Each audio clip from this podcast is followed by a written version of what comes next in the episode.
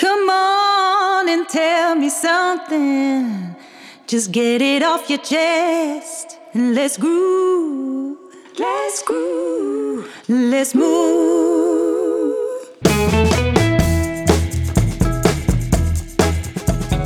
We zijn weer met de Tandersclub begonnen op Clubhouse. Nico Bezuur, eigenaar van congrescentrum De Hamermolen... en Ron Steenkis, Tanders Business Mentor. In principe elke vrijdagochtend om half negen. Ook dit winterseizoen willen we aandacht geven aan alle facetten van de tandheelkunde die ons bezighouden. En ieder is welkom om zich aan te sluiten op deze ochtenden. Heb je nog geen lidmaatschap van Clubhuis? Stuur een bericht naar mij. Ron Steenkist op LinkedIn. Dan maak ik dit voor je in orde.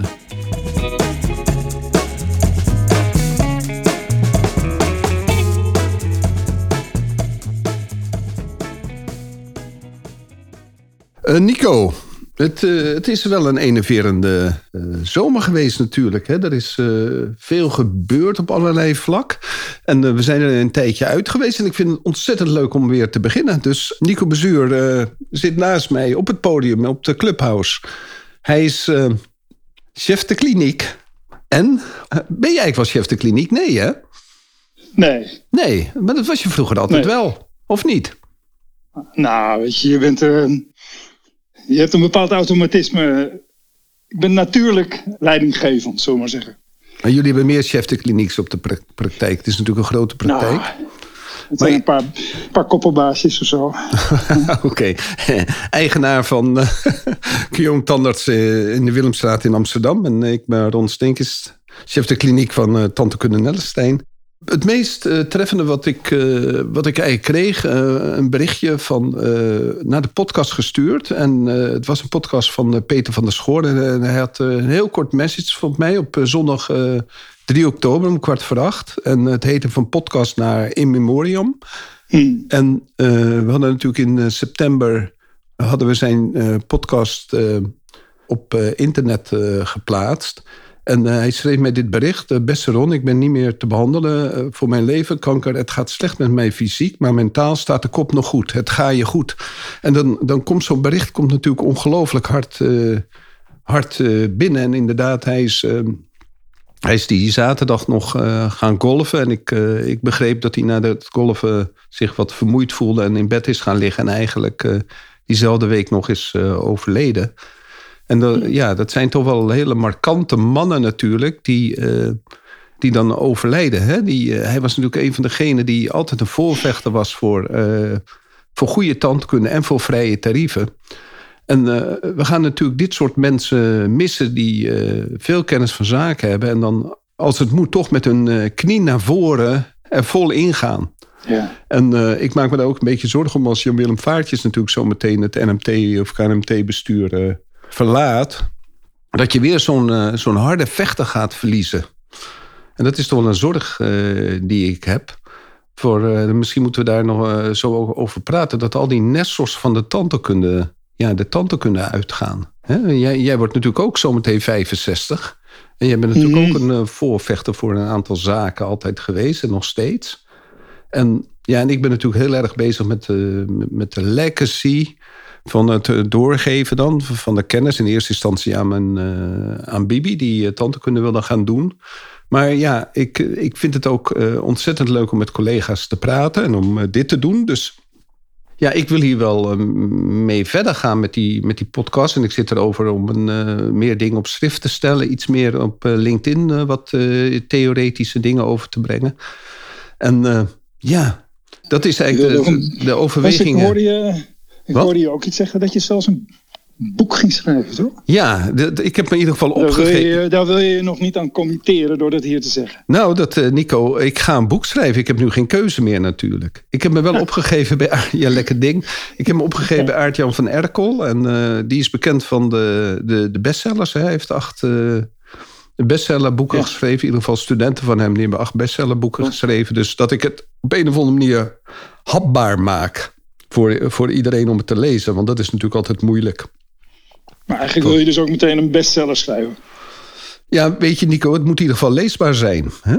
En uh, op zichzelf ben ik niet zo'n hele sterke schrijver. Ik vind het zelf altijd prachtig wat ik schrijf, maar uh, Mijn vrouw zegt altijd, die, eh, die zeer goed onderlegd is eh, op het gebied van, eh, eh, van de talen, die, die vindt me altijd eh, ja, niet zo heel sterk schrijven. Dus eh, misschien eh, moet het dus eh, in goed Nederlands, maar ook eh, ja, dat het, eh, ja, als het als een zoute haring in een, eh, in een katwijker glijdt, of als een godswoord in een ouderling, zoiets. Doe maar. Doe maar.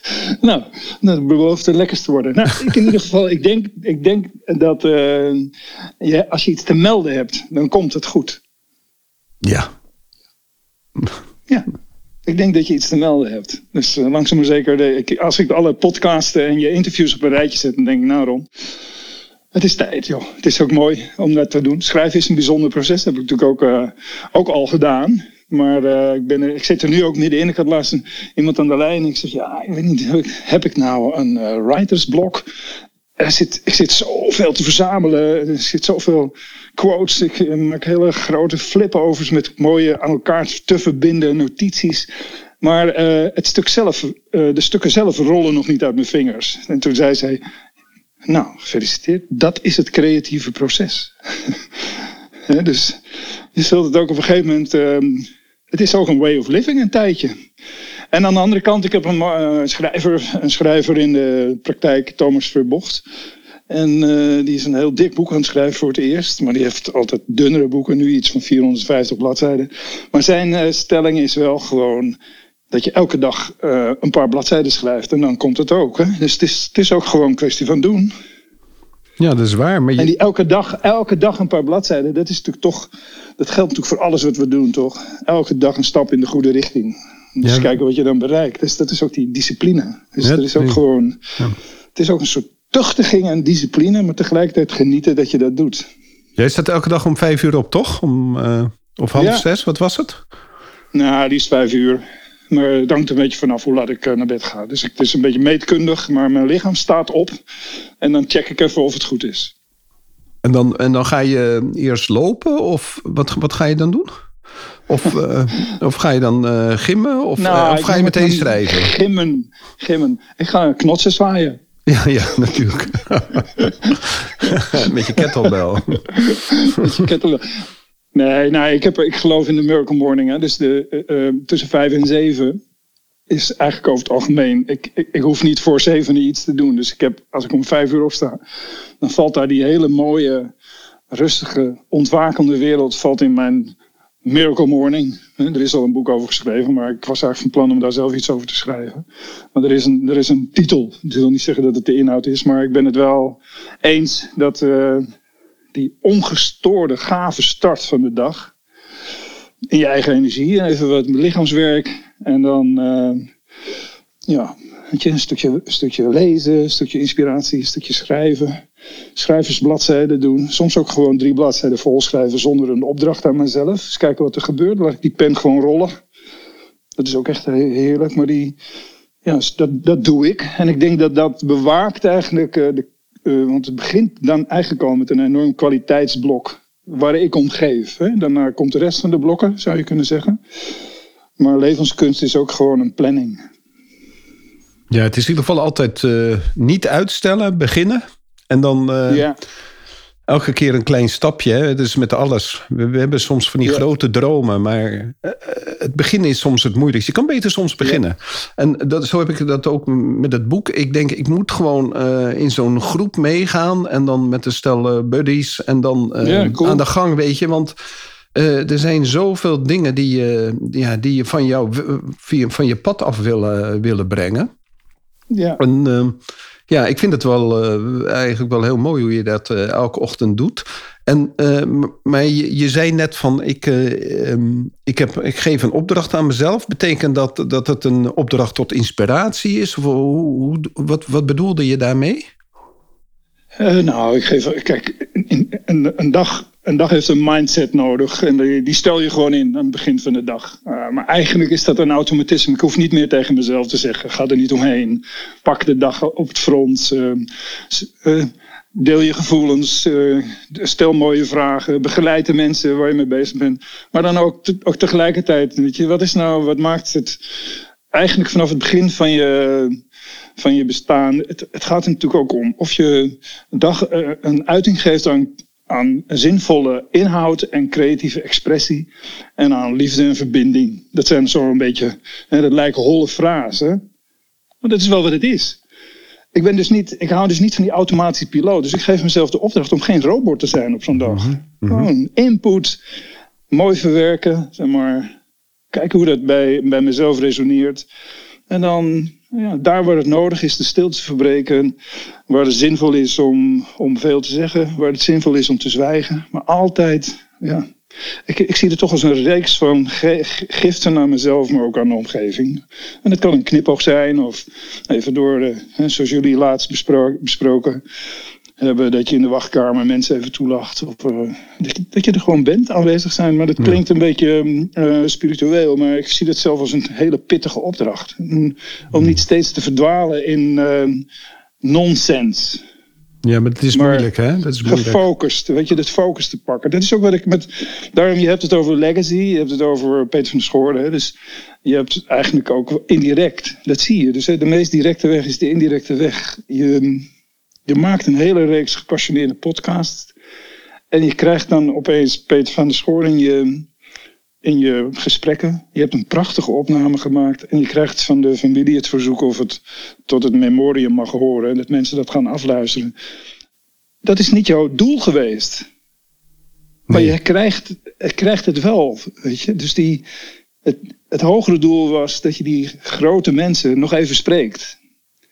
En dat je eens kijkt wat ze beweegt, bewogen heeft, hoe ze tot hun resultaten zijn gekomen, wat hun inzet is. En dan zie je ook dat in dit geval had je ook echt een, een, een ja, zoals hij met jou omging, ook een mooie oude leermeester te pakken. Hè, die ook tegen jou zegt van ja, Steenkjes, ram die spijker er nou eens een keer in. Mhm.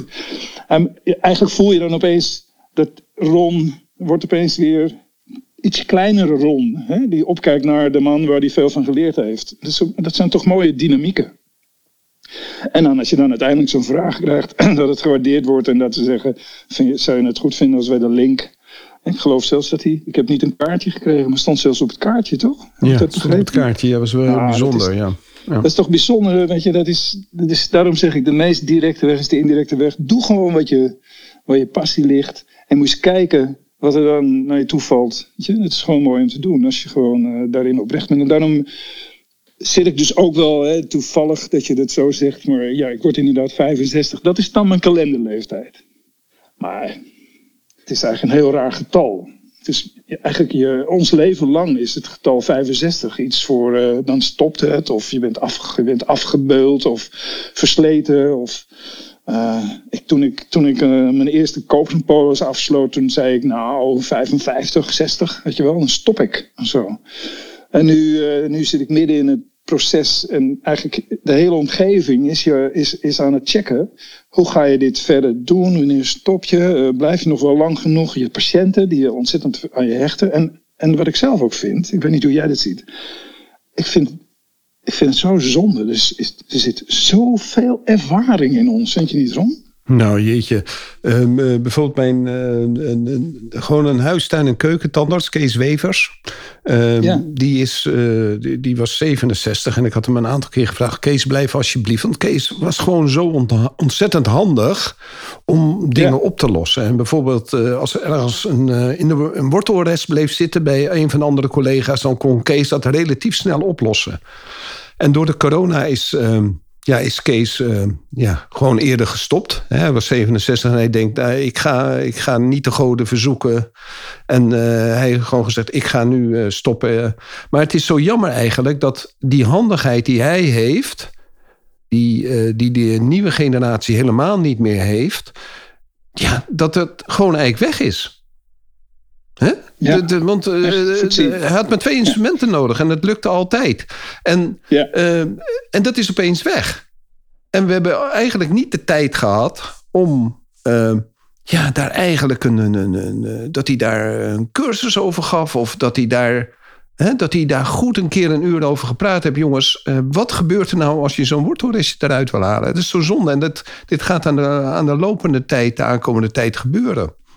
Natuurlijk, dat een, dat, dat er steeds mm, uh, men, minder mensen, minder tandartsen komen die de, die, de, die de meters gemaakt hebben. En dat de tandartsen die, die, eh, die ophouden, die hebben al die shit allemaal een keer meegemaakt. Wanneer word je een expert? Als je natuurlijk heel veel fouten hebt gemaakt. En wij hebben al die fouten gemaakt. En, ehm, en dan krijg je weer hetgene waar ik het over heb. Als je op een gegeven moment niet meer iemand naast je hebt... of uh, die jou helpt als je de fouten maakt... of die jou zegt, ah joh, eh, dat heb ik ook gehad... dan ga je op een gegeven moment alles uitstellen. Hè? Dan ga je procrastination en dan denk je maar ja, dan worden er opeens allerlei dingen de praktijk uitgezonden. Hè, die eigenlijk gewoon in de praktijk thuis horen. En dat is natuurlijk ook ontzettend jammer dat je ook. Ja, dat is dan een andere stap. Maar dat, het is bedrijfsmatig zo belangrijk voor een kliniek. Om niet je tijd kwijt te zijn met het schrijven van verwijsbrieven, maar gewoon zelf die handeling te doen.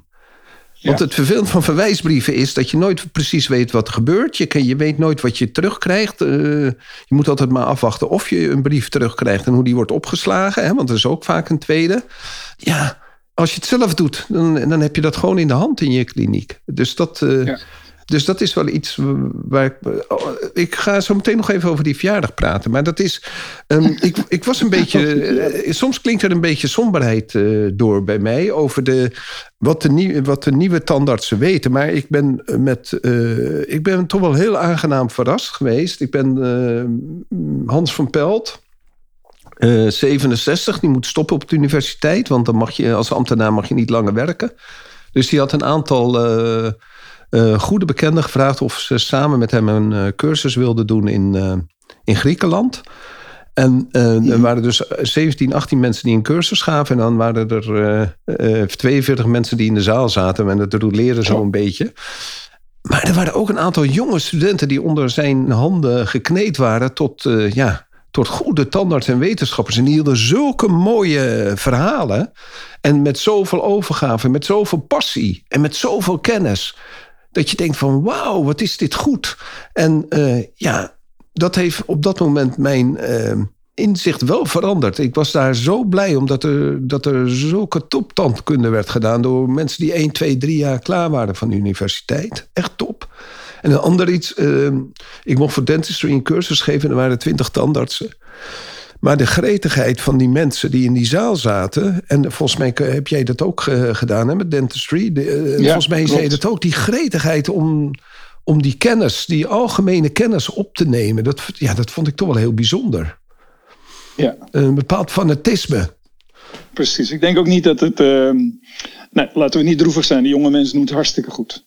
Echt, ja. echt waar. Ik vind het echt heel goed. Ik, vind, ik ben echt onder de indruk wat ze kunnen al op een hele jonge leeftijd. En ook met weinig ervaring wat ze al gewoon durven doen. Dat vind ik echt uh, mooi. Dus uh, ik ben ook echt een voorstander van de, dat er een hele boeiende interactie is tussen jonge tandartsen en de seniors. Dus, dus ook de, de nou, we weten dat er een hele grote groep oudere mensen die gaan uh, afzwaaien, zou je denken, hè, dat ze dat gaan doen. Ik, ik zie dus zelf dat er. Uh, het is eigenlijk wel zinvol om, om daar uh, misschien eens wat meer aandacht aan te geven met elkaar. Om eens te praten over hoe het nog leuk is om er nog te blijven. En, uh, en ook die, hoe die verbindingen zijn. Hè. Sommige ja, ik denk dat die jonge mensen, die, die spreken zich misschien te weinig ook uit. hey, oudjes, loop niet weg, weet je wel. Ja, We hebben jullie nog nodig, weet je. Het is, uh, je, soms zou zo'n, ik zie dit ook wel een beetje, een jonge tante bij mij in huis. Zij durven dingen, maar zou het niet zo zijn, Ron, dat ze ook dingen durven omdat ze weten dat jij ergens in huis bent? Ik denk wel dat het meespeelt, ja. Ja, ik weet zeker. Het is gewoon zo'n rustig gevoel dat ik, uh, ik kan dit gaan doen. Maar als, als het niet gaat, kun je heel even komen. Misschien heb je heel even tijd. En dan, ja, dan neem je de, samen de beslissing die ze eigenlijk al hadden genomen. Maar ze willen het even checken. Ja. En het geeft rust. Het geeft rust en het vertrouwen. Eigenlijk alleen al dat je er bent. Dus ik denk zelf dat je nog heel lang een beetje in een stoel achterin kunt slapen. En dat, je, dat ze denken, nou hij is er. En dan, dan als je nodig bent, kom je even met al je ervaring. Zeg je, nou kijk ik vond het ook zo boeiend. De, de, er was op een gegeven moment zo'n zo'n groot onderzoek van, ik geloof een Deen, die had ook, weet je, wij zijn natuurlijk opgegroeid met het behandelen van al, alle afwijkingen die je ziet. En toen was er opeens zo'n onderzoek en die, die je liet zien. En wat als je dat nou niet behandelt? Weet je wel? Dat is ook iets, daar is ook veel ervaring voor nodig, maar ook gewoon wetenschappelijke, uh, je, je, je, wetenschap bijhouden.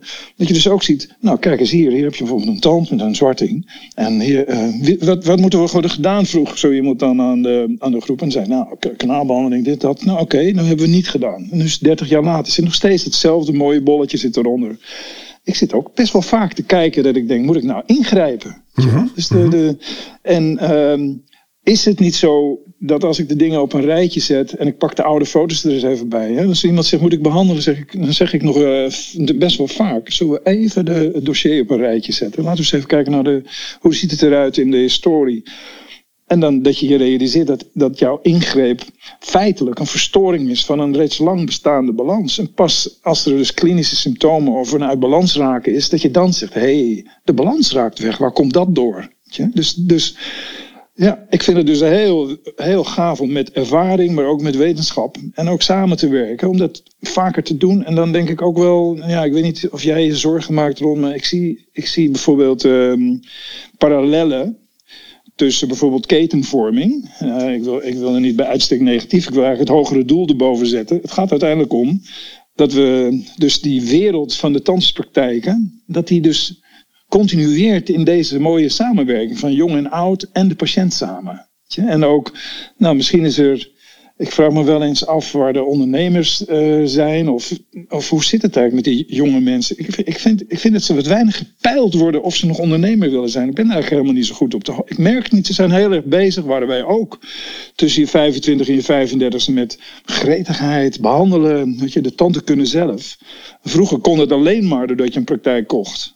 En nu niet. Dus nu, nu, nu kun je nog heel lang rondtrekken. Maar weet jij dat, Ron? Zijn zij nog Willen ze dit nog? Ja, weet je, Nico. Ik, dat is wel grappig. Die, um, een van de opdrachten voor het boek was... Uh, ga bij de mensen die mogelijk lezers zijn van jouw boek... vragen wat zij belangrijk vinden. Dus ik heb de, een aantal uh, jonge tandartsen gevraagd... wat zij... uh, ja, wat, waar hun kennis ontbeerde, waar ze hun kennis ontbeerden. En wat ze dus zeiden, is, wat er heel erg vaak terugkwam, is: ja, wat moet ik met mijn pensioen?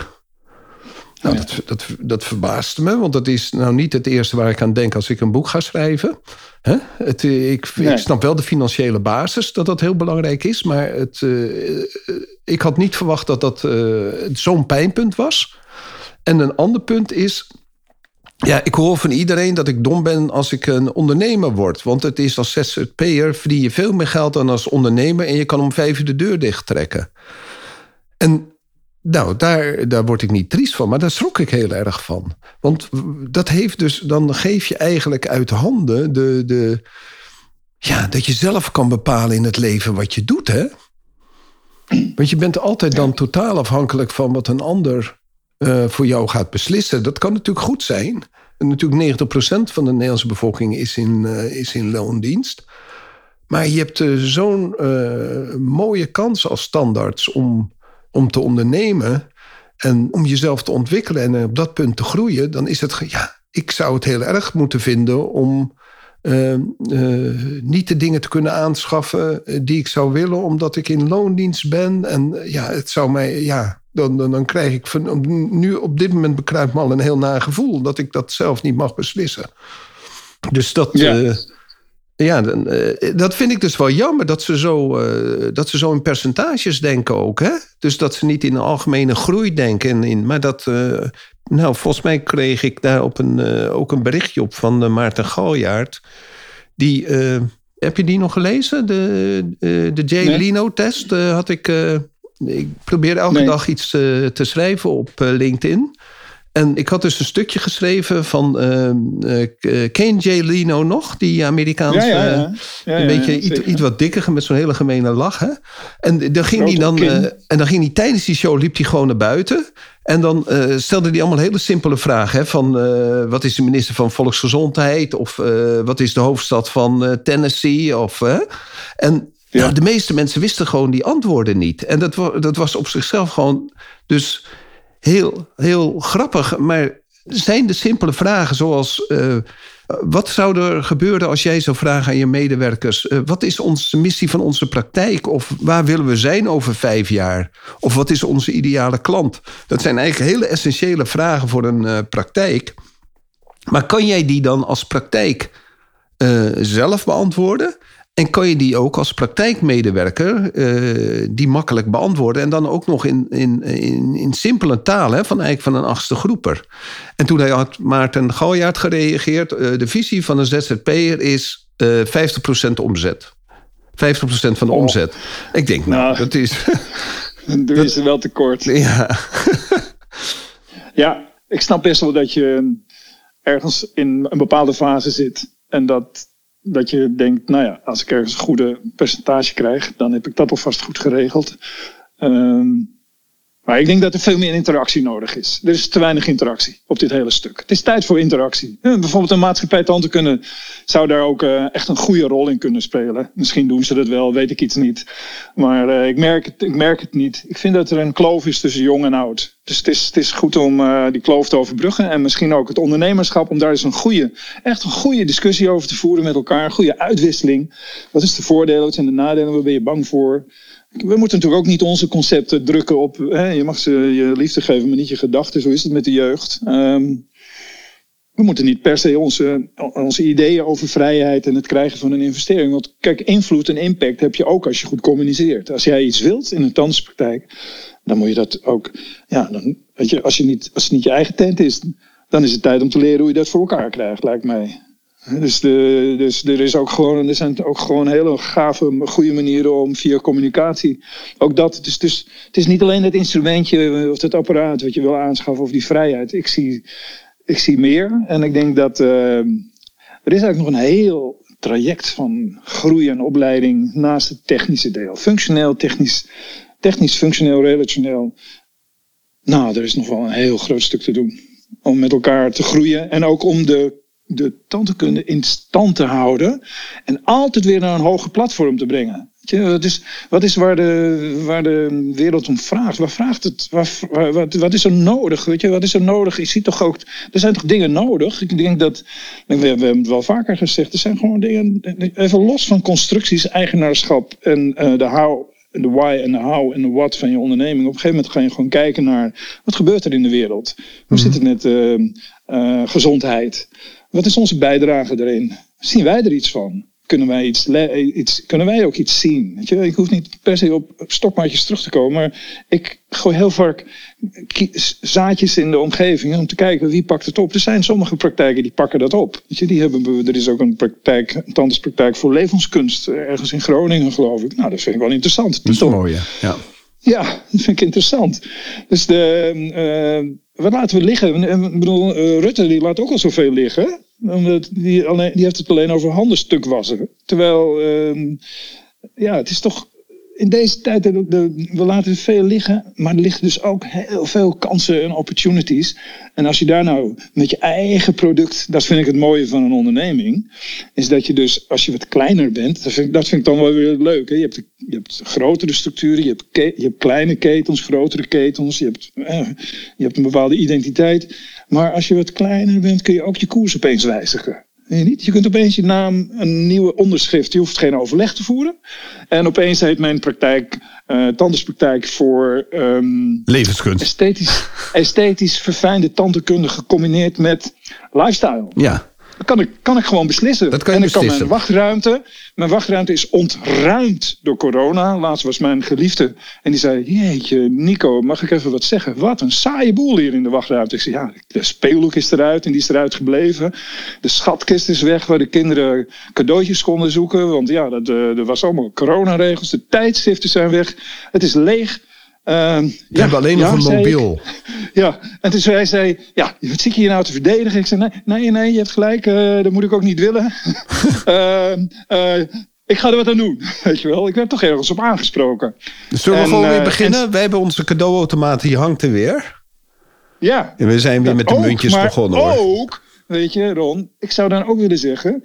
Je hebt de oude situatie en ga je nou door naar het herstel van de oude situatie? Of denk je van, ik maak uh, verschillende lifestyle corners. Hoe zit het met um, immuniteit? Hoe zit het met um, uh, supplementen?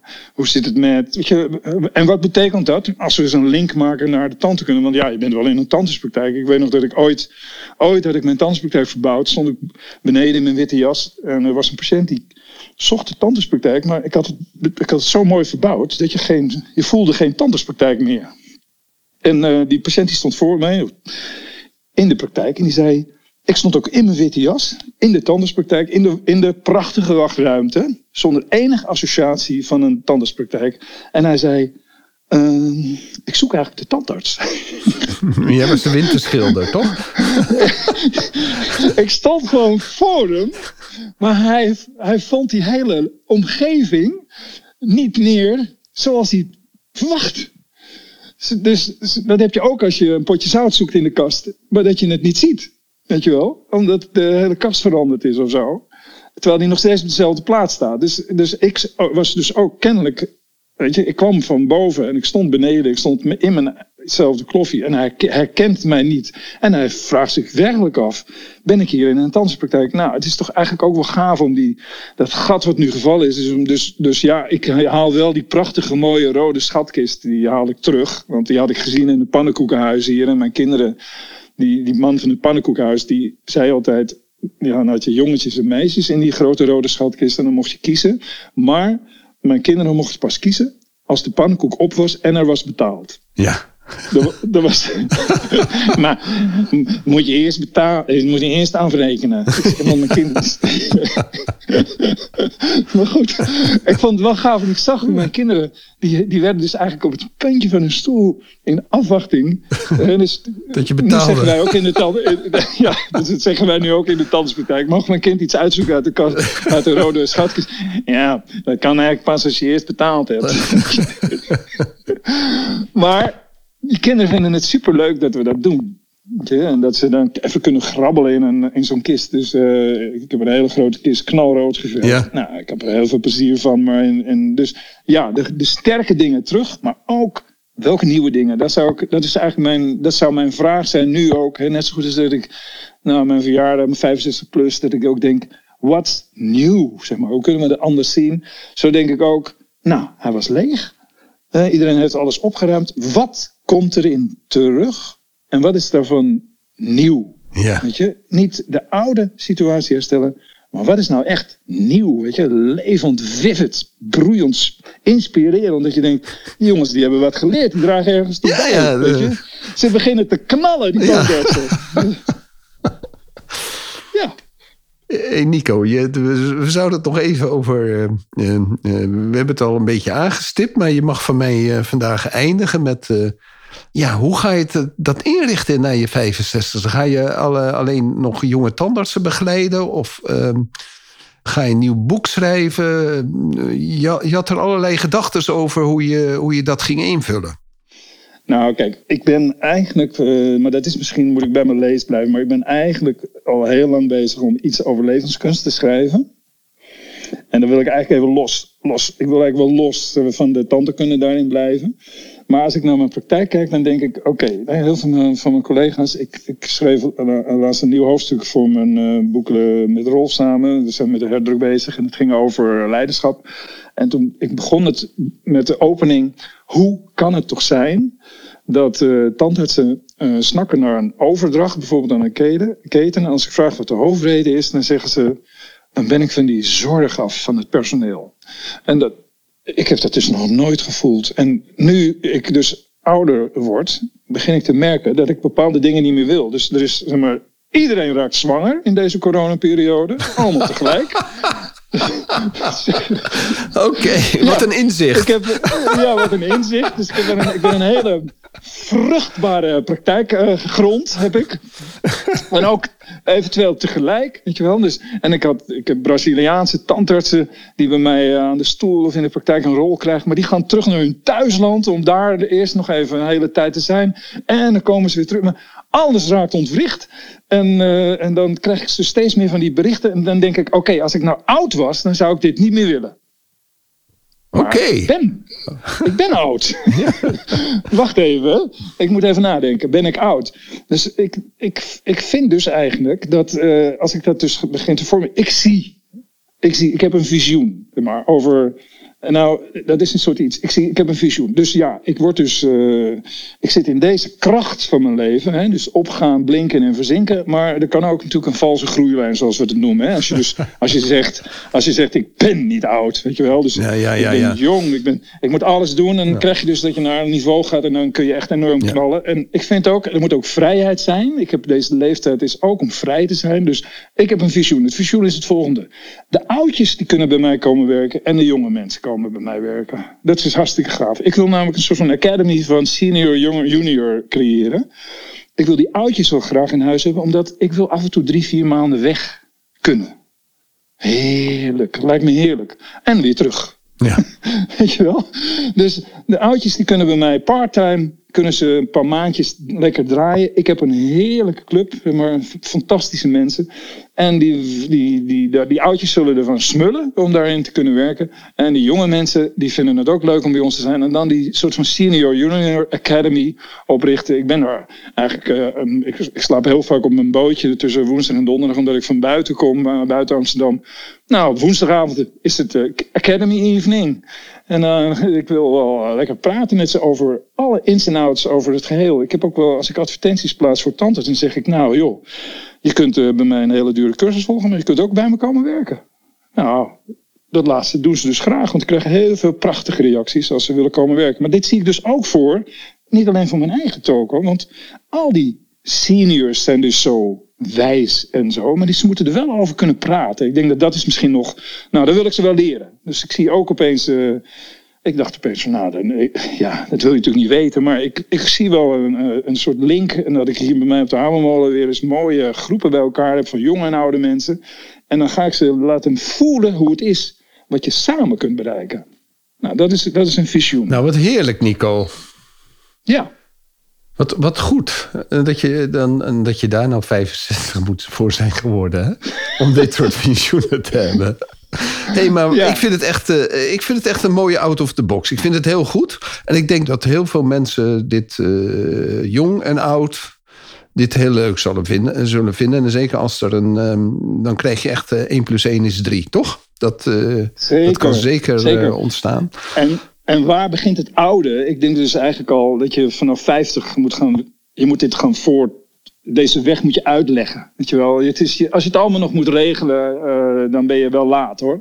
Nou, weet dus je niet, denk, maar dat, is, dat vind ik wel, wel, wel toch wel een, een, groot probleem. Dat vind ik echt een groot probleem. Als ik dan uh, met wat mensen sprak tijdens. Uh, hè, het was een grote groep oudere tandartsen en er was een grote groep jongere tandartsen tijdens die lefkasreis in en het viel me zo op dat ze allemaal eigenlijk over de top waren met hun praktijk. Want ze zijn allemaal toch langzaam aan het uitsluipen. Maar ze denken nog steeds dat ze die praktijk kunnen verkopen. Nou denk ik oh dat, dat kleine praktijken moeilijk verkoopbaar zijn op dit moment. Ze zijn wel verkoopbaar, maar uh, de jongere kan net zo goed op de, op de hoek beginnen met een nulpraktijk. Dan, eh, en dan hoef je niet, eh, dan kan je alles inrichten zoals je zelf wil. En ik bij mezelf, jongen, je bent gewoon te laat. Dit, dit had je op je 50 of 55ste moeten bedenken hoe je ging uitsluipen. En uh, dat, dat is iets wat, uh, wat ik dus erg opval. Wat, me, wat me erg opvalt, dat, ja, dat, dat er eigenlijk te laat over nagedacht is dat dat, dat nu opeens een. Uh, nadat, dat, nadat iedereen heel erg moe is. dat, dat lijkt erop dat ze mhm. denken: van nu ben ik 67 of 66. Oh jeetje, nu moet ik ook nog de praktijk verkopen. En dan denk ik: van jeetje, hoe, wat jammer dat je zo laat bent. Want je had ook nog zo'n hele mooie tijd kunnen hebben met een, iemand die, uh, die ingroeide in je praktijk en uh, langzaam overdragen. Of juist nog even één keer doorzetten dat die praktijk nog even piekt. En dan pas die praktijk in de, in de etalage zetten. Als die praktijk nog, ja, als die nog mooi is en dat het niet meer zo'n uh, zo'n zware steen om je nek is. Want op een gegeven moment wordt zo'n praktijk, als je wil stoppen, wordt het een. Uh, uh, en je kan hem niet verkopen, dan wordt het opeens een zware steen. Want je hebt al je liefde voor je patiënten. En dan moet je op een gegeven moment toch, ja, je moet je stoppen, maar ja, niemand wil eigenlijk je praktijk. En dat is gewoon jammer. Dat vind ik dus wel jammer. dus dat, eh, Absoluut. Daarom zeg ik, je moet vroeg beginnen. Tegelijkertijd denk ik ook, oké, dat heb je allemaal niet gedaan, dus die kwaliteit had je niet.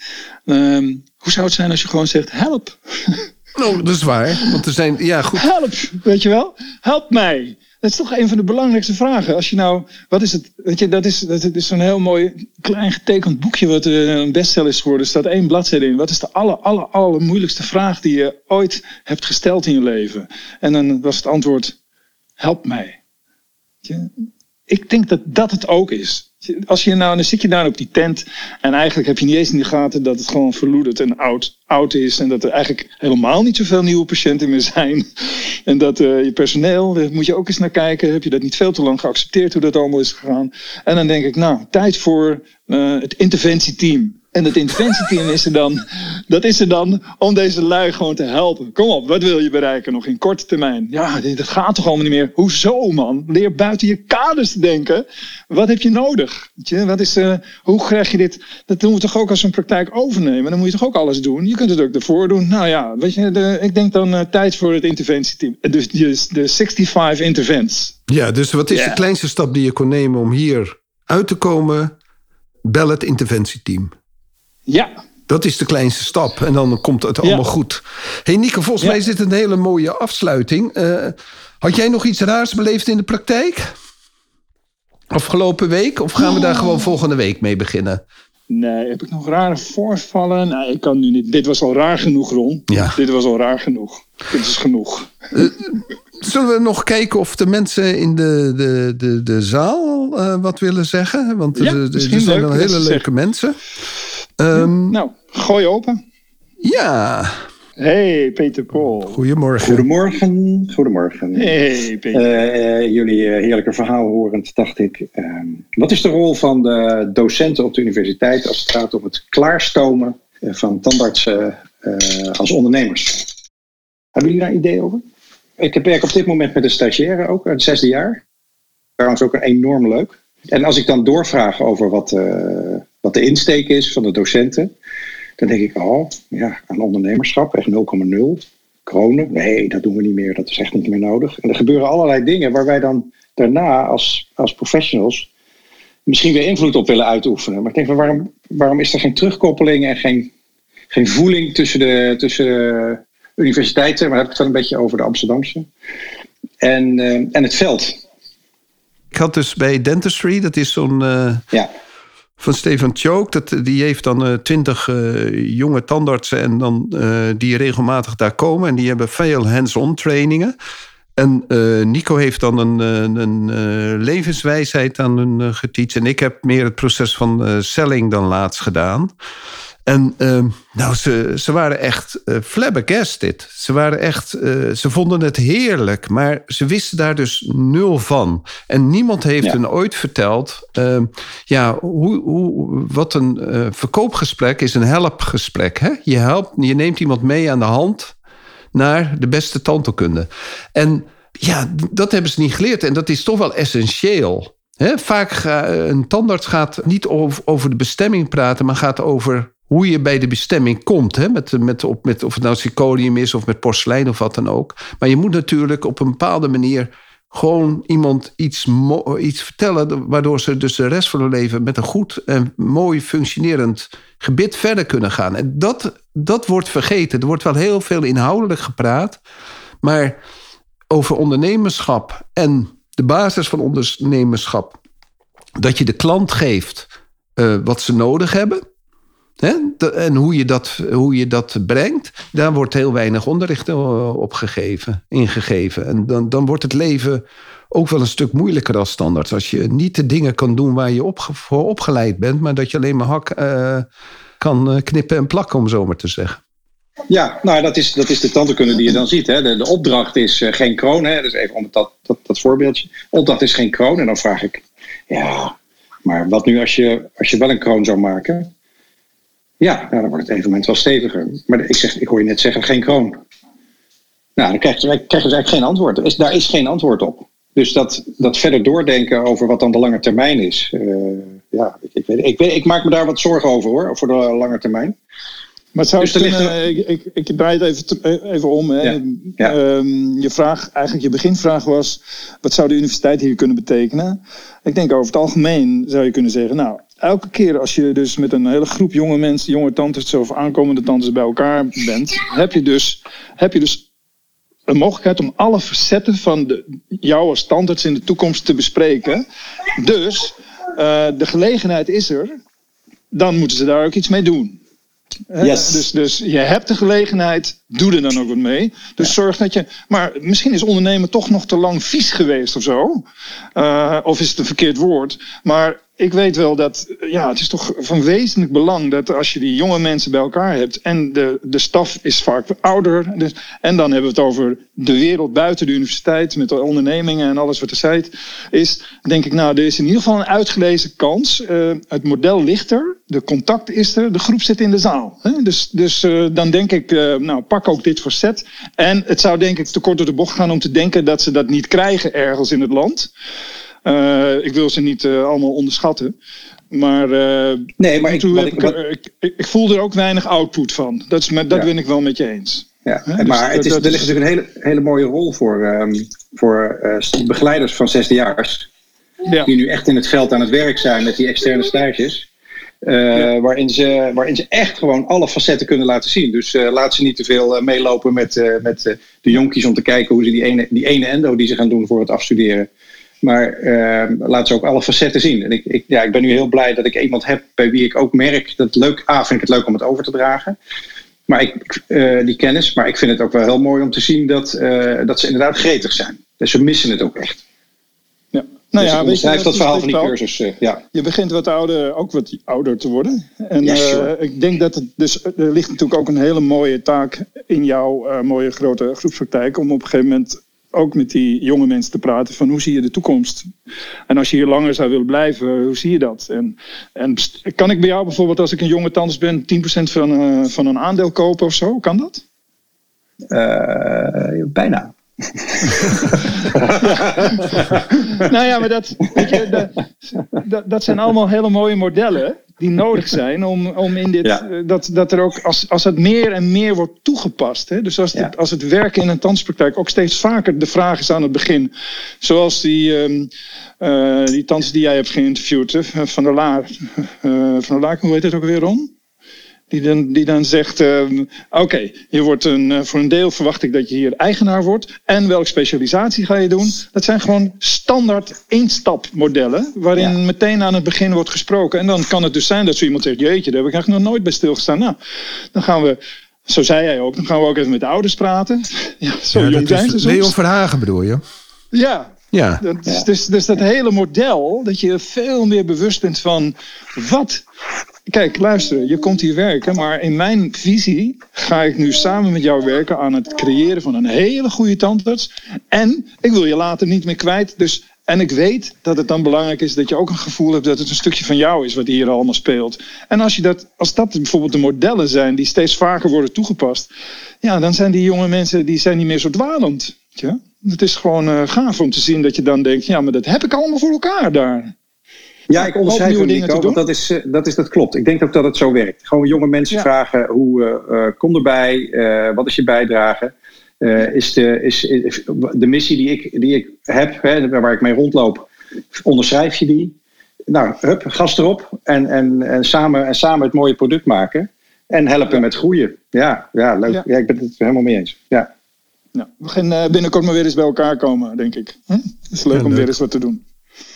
Alright, Oké. Ron. Ik, eh, ik vind dat het een hele mooie afsluiting is zo.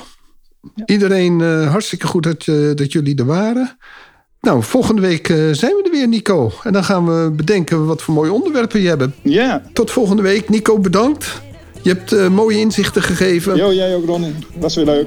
Bye bye. Goed zo. Hoi.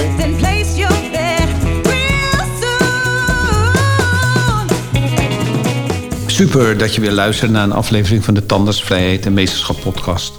Ik zou het zeer op prijs stellen als je een review achter zou laten. Je kunt je ook abonneren op deze podcast. Klik dan in de podcast app op de button subscribe en je ontvangt automatisch een berichtje bij een nieuwe aflevering. Ken je iemand die deze podcast ook leuk zou vinden? Deel deze dan. Via Spotify kan je dat heel simpel door op de drie puntjes te klikken en te delen. Je kan mij ook bereiken via mijn LinkedIn-account. Ik ben te vinden onder mijn naam Ron Steenkis. Nogmaals, dankjewel en tot de volgende keer.